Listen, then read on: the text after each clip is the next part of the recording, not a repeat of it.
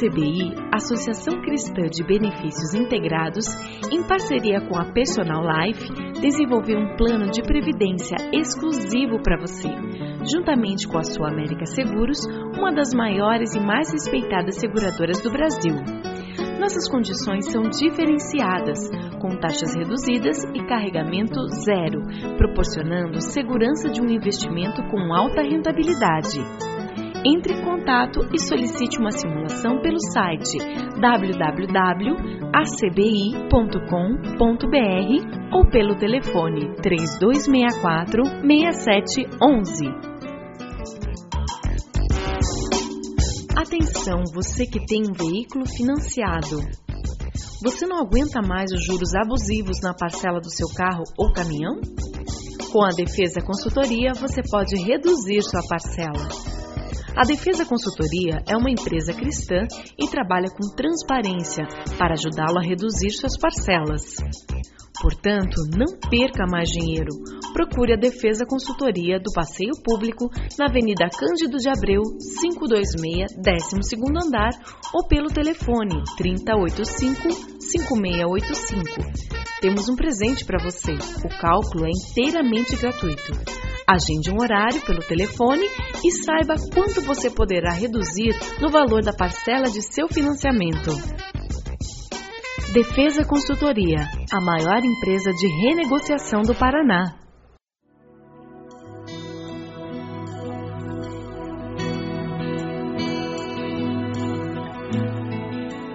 Começa agora mais um Sementes do Amor de Deus, um programa da Igreja Batista do Bacaxeri, em Curitiba.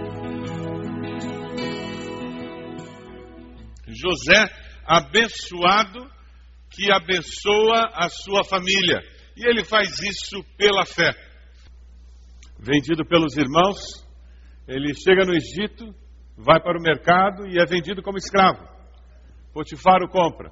Você conhece a história? Ele vai trabalhar na casa de Potifar, ele ascende, abençoado por Deus, ele continua fiel a Deus.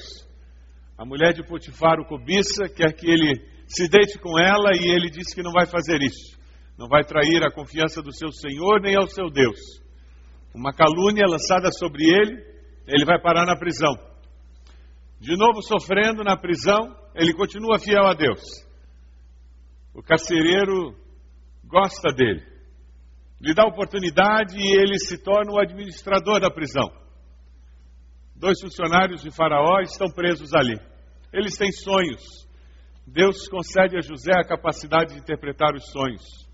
Um deles retorna para trabalhar com Faraó. Faraó tem um sonho, ninguém consegue interpretar. Desesperado, Faraó pergunta a todos: quem consegue entender esse sonho? Aquele funcionário se lembra de José. Faraó manda buscá-lo. Deus mostra a José o significado daquele sonho. Sete anos de fartura, sete anos de fome. faraó coloca José como segundo no reino. É impressionante como a história oscila, como os ventos da história vão e vêm, e Deus continua Senhor da história. É impressionante. José deixou que Deus fosse Senhor da história da sua vida. Pela fé, ele confiou que, independente do que acontecesse com ele, Deus continuaria sendo Senhor da história da sua vida. Você tem deixado que Deus seja Senhor da história da sua vida? Gênesis 42. Você vai encontrar ali uma referência ao que aconteceu depois, a vida dá voltas. Sete anos de fartura, José administra muito bem aquela fartura, sete anos de fome. Durante aquele período de fome, Jacó soube que no Egito havia trigo e disse a seus filhos: Por que estão aí olhando uns para os outros? Disse ainda: Ouvi dizer que há trigo no Egito. Desçam até lá e comprem trigo para nós, para que possamos continuar vivos e não morramos de fome. Assim, dez dos irmãos de José desceram ao Egito para comprar trigo. Jacó não deixou que Benjamim, irmão de José, fosse com eles, temendo que algum mal lhe acontecesse. Os filhos de Israel estavam entre outros que também foram comprar trigo por causa da fome na terra de Canaã. José era governador do Egito e era ele que vendia trigo a todo o povo da terra. Por isso, quando os irmãos de José chegaram, curvaram-se diante dele, rosto em terra. A vida dá volta. José reconheceu os seus irmãos logo que os viu, mas agiu como se não os conhecesse e lhes falou asperamente de onde vocês vêm. Responderam-lhe eles, da terra de Canaã, para comprar comida. José reconheceu seus irmãos, mas eles não o reconheceram. Lembrou-se então dos sonhos que tivera a respeito deles e lhes disse: Vocês são espiões, vieram para ver onde a nossa terra está desprotegida. Eles responderam: Não, meu senhor, teus servos vieram comprar comida. Todos nós somos filhos do mesmo pai, teus servos são homens honestos e não espiões. Mas José insistiu: Não, vocês vieram ver onde a nossa terra está desprotegida. E eles disseram: Teus servos eram doze irmãos, todos filhos do mesmo pai, na terra de Canaã. O caçula está agora em casa com o pai e o outro já morreu. José tornou a afirmar: É como lhes falei, vocês são espiões. Vocês serão postos à prova, juro pela vida do Faraó, que vocês não sairão daqui enquanto seu irmão caçula não vier para cá. Mandem algum de vocês buscar o seu irmão enquanto os demais aguardam presos. Assim ficará provado se suas palavras são verdadeiras ou não. Se não forem, juro pela vida do faraó que ficará confirmado que vocês são espiões. E os deixou presos três dias. No terceiro dia, José lhes disse: Eu tenho temor de Deus. Se querem salvar sua vida, façam o seguinte: se vocês são homens honestos, deixem um dos seus irmãos aqui na prisão, enquanto os demais voltam levando trigo para matar a fome das suas famílias. Tragam-me, porém, seu irmão caçula, para que se comprovem as suas palavras e vocês não tenham que morrer. Eles se prontificaram a fazer isso e disseram uns aos outros: Certamente estamos sendo punidos pelo que fizemos a nosso irmão. Vimos como ele estava angustiado quando nos implorava pela sua vida, mas não lhe demos ouvidos. Por isso nos sobreveio essa angústia. Rubem respondeu: Eu não lhes disse que não maltratasse o menino, mas não quiseram me ouvir. Agora teremos que prestar contas do seu sangue. Eles, porém, não sabiam que José podia compreendê-los, pois ele lhes falava por meio de um intérprete. Nisso José retirou-se e começou a chorar, mas logo depois voltou e conversou de novo com eles. Então escolheu Simeão e mandou acorrentá-lo diante deles. Em seguida, José deu ordem para que enchessem de trigo suas bagagens, devolvessem a prata de cada um deles, colocando-a na bagagens, e lhes dessem mantimentos para a viagem, e assim foi feito. Eles puseram a carga de trigo sobre seus jumentos e partiram. No lugar onde pararam para pernotar, um deles abriu a bagagem para pegar forragem para o seu jumento e viu a prata na boca da bagagem. E disse aos seus irmãos: Devolveram a minha prata, está aqui minha bagagem. Tomados de pavor em seu coração e tremendo, disseram uns aos outros: Que é isto que Deus fez conosco? A história continua, a história não acabou quando eles venderam o seu irmão como escravo, a história não acabou quando a mulher de Potifar enviou José para a prisão, a história não acabou quando ele interpretou os sonhos daqueles dois funcionários de Faraó, a história não acabou quando José resolveu o problema da fome no Egito, a história não acabou quando aqueles irmãos vieram buscar comida. A história não acabou porque Deus não acabou com a história ainda. Enquanto Deus está escrevendo a história das nossas vidas, a nossa história não acabou.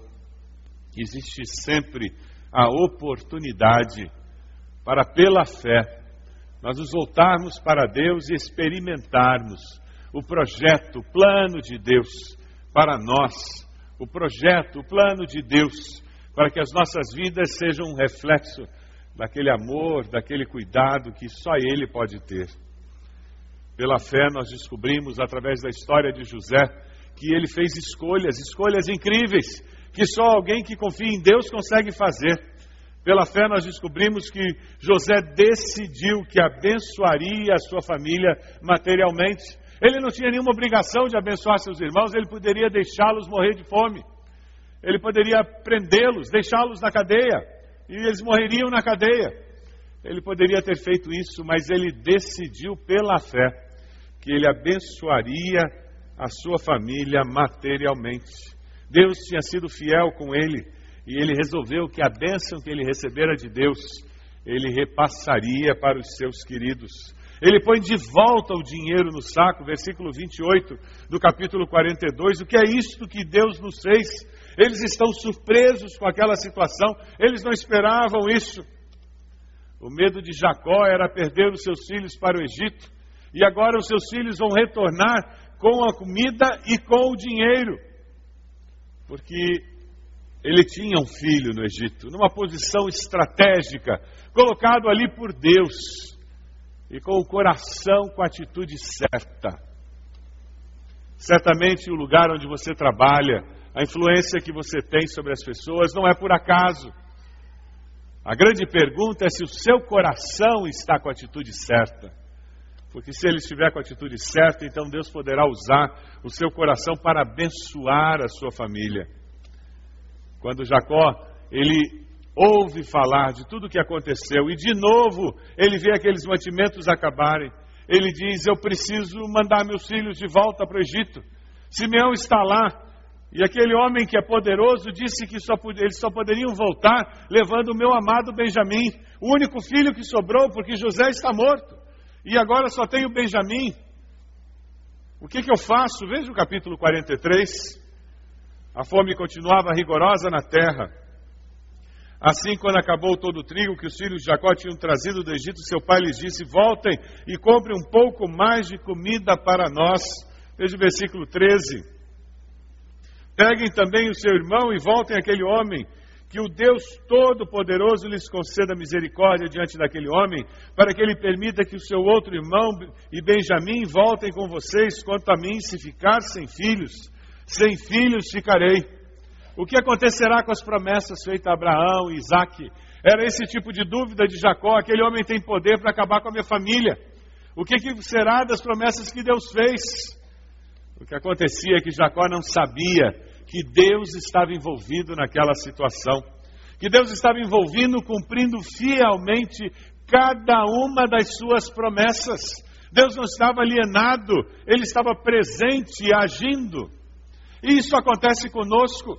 Quando as provações surgem, as dificuldades vêm, as adversidades batem à nossa porta, quantas vezes nós perdemos de vista que Deus não está alheio, que Deus não está ausente. Deus está presente, sim, vivo e atuante. Deus continua sendo o Senhor da história da nossa vida, mesmo quando nós perdemos o controle de toda a circunstância. A fé nos permite viver dessa forma. É pela fé que nós conseguimos olhar as circunstâncias do presente e dizer: Eu não sei o que vai acontecer, mas eu sei que tem um Deus que tem o futuro nas mãos, o presente nas mãos, e Ele me ama. E Ele não vai permitir que o caos permaneça na minha vida. É pela fé que nós perseveramos. Se você está numa situação complicada por causa dos outros, eu desafio você a ter a mesma atitude de José.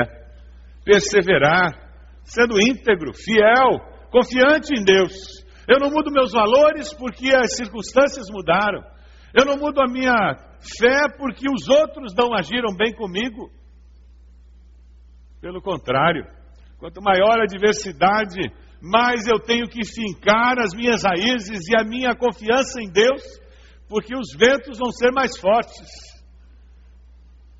Eu tenho que estar bem firmado na rocha eterna, porque ela é imutável.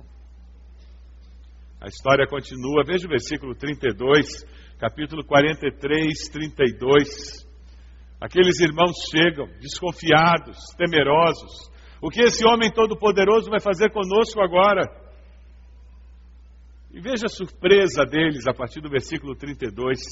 Serviram a ele separado dos seus irmãos e também dos egípcios que comiam com ele, porque os egípcios não podiam comer com os hebreus, pois isso era um sacrilégio para eles seus irmãos, foram colocados à mesa perante ele por ordem de idade, do mais velho ao mais moço, e olhavam perplexos uns para os outros. Como ele sabe nossas idades? Como ele sabe a ordem de nascimento? Como ele sabe a maneira como nós nos assentamos em casa? Então lhes serviram da comida da mesa de José, e a porção de Benjamim era cinco vezes maior que a dos outros. Eles festejaram e beberam à vontade. Eles não podiam entender porque eles estavam sendo recebidos daquela forma. Eles não conseguiam entender porque aquele homem havia decidido abençoar as suas vidas. Muitas vezes, quando nós tomamos a decisão de abençoar as nossas famílias, as pessoas são surpreendidas porque elas não esperam isso. Porque elas não são regidas por valores cristãos, valores de Deus, não são regidas por valores que perdoam, que buscam a reconciliação, que promovem a harmonia no ambiente doméstico. Talvez você não esteja sendo o catalisador do amor e do perdão no seu lar. Talvez você viva no meio de uma família onde as pessoas não se perdoam, onde as pessoas jogam os problemas para baixo do tapete ao invés de resolver. Talvez você viva num ambiente familiar onde as pessoas não se ajudem financeiramente. O que é meu é meu, o que é seu é seu e ninguém põe a mão no que não é seu.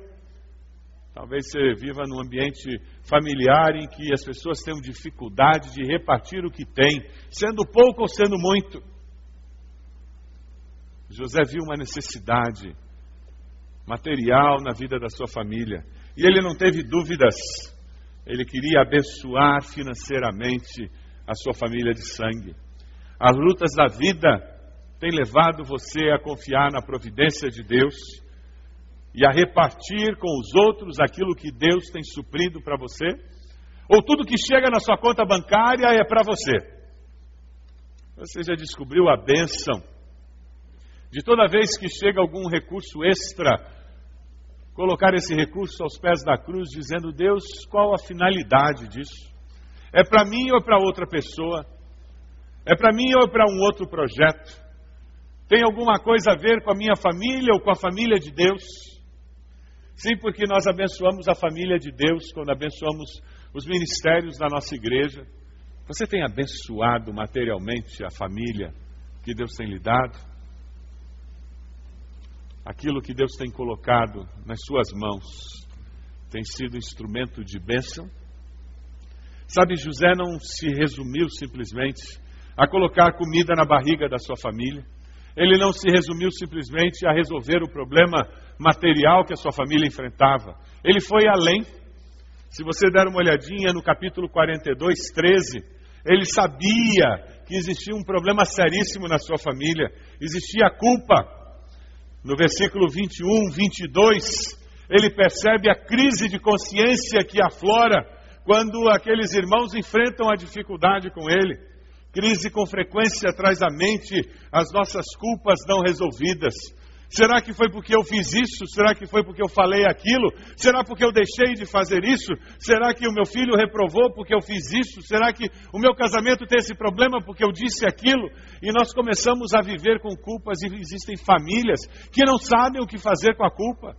Existem pessoas que cresceram no lar onde não se pedia perdão, nem se perdoava, simplesmente se ignorava. E o problema não era tratado, e nós colocávamos o problema embaixo do tapete, e a gente finge que não teve a briga, e a gente finge que o que eu falei não machucou, e o que eu falei feriu, e a gente finge que eu não ouvi, e ao invés de resolver, sentar e dizer: Eu não gostei, eu me senti magoado, me feriu, eu estou sangrando ainda. Ao invés de fazer isso, nós fingimos que não aconteceu nada. Ficamos calados durante dois dias, uma semana. Tem casais que passam meses em guerra de silêncio. E de repente, do nada, começam a falar. Como se o problema fosse resolvido. O problema foi jogado para baixo do tapete, para baixo do sofá. Tem casas que você não pode olhar embaixo de nada, porque está tudo podre lá. Pessoas que vivem carregadas de culpa. O diabo apronta o diabo manipula esses cordões, ele puxa esses cordõezinhos da culpa. Ele faz com que a pessoa não consiga experimentar vitória nos relacionamentos. Como você resolve suas culpas?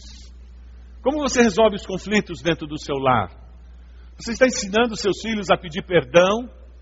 Você está ensinando seu filho a dizer eu te perdoo? Não tem coisa mais frustrante do que alguém chegar para uma pessoa e dizer você me perdoa e a outra dizer ah, tem problema não. Quando você diz não tem problema não, você está dizendo que você é um tonto, vim me pedir perdão. E o que você está fazendo na realidade é dando um nó e amarrando, dizendo: Espera, um dia eu puxo essa corda. Por isso que eu não te perdoo. Nós temos que verbalizar o perdão. Você tem que dizer: Eu te perdoo sim, meu irmão. E quem sabe você vai ter que dizer: Agora eu preciso que você me perdoe também.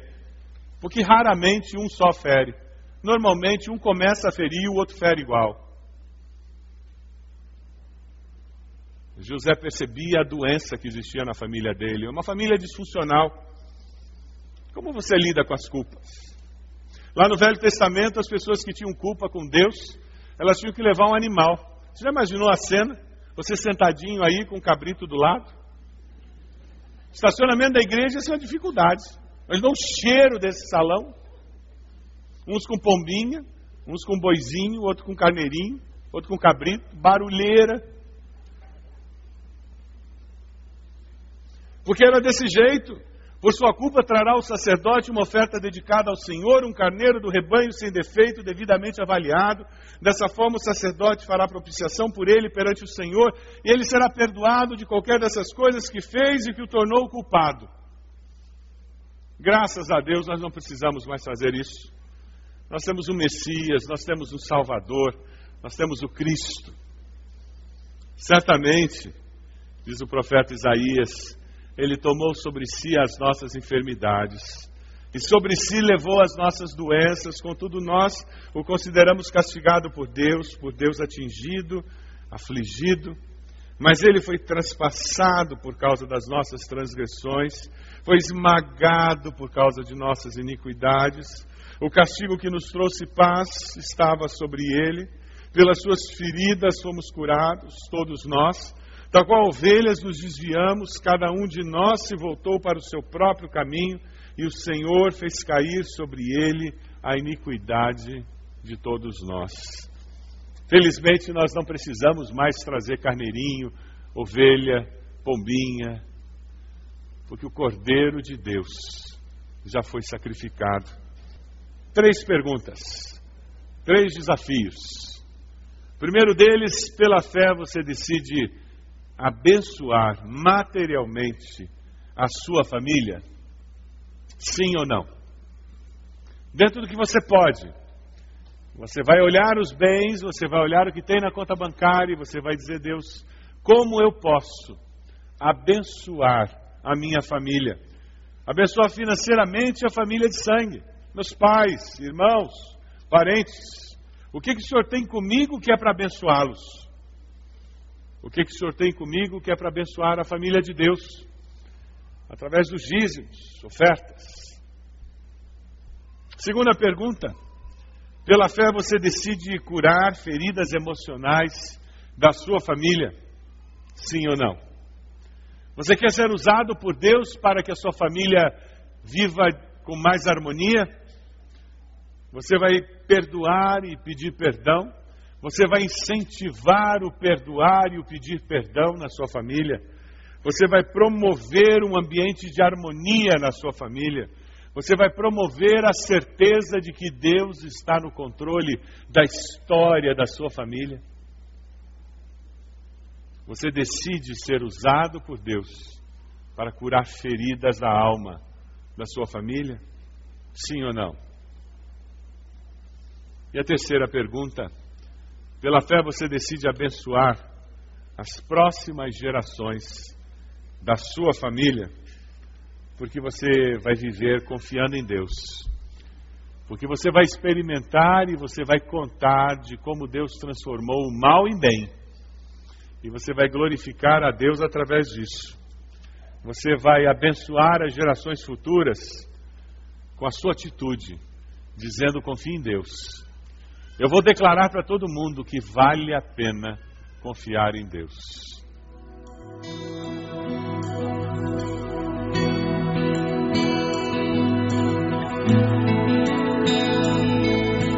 Este foi mais um programa Sementes do Amor de Deus, com o pastor Roberto Silvado, da Igreja Batista do Bacaxeri.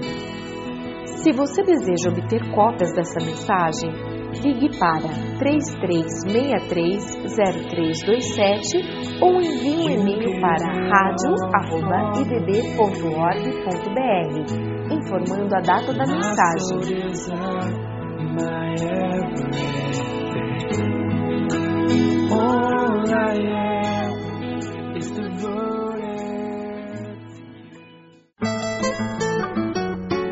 CBI, Associação Cristã de Benefícios Integrados, em parceria com a Personal Life, desenvolveu um plano de previdência exclusivo para você, juntamente com a sua América Seguros, uma das maiores e mais respeitadas seguradoras do Brasil.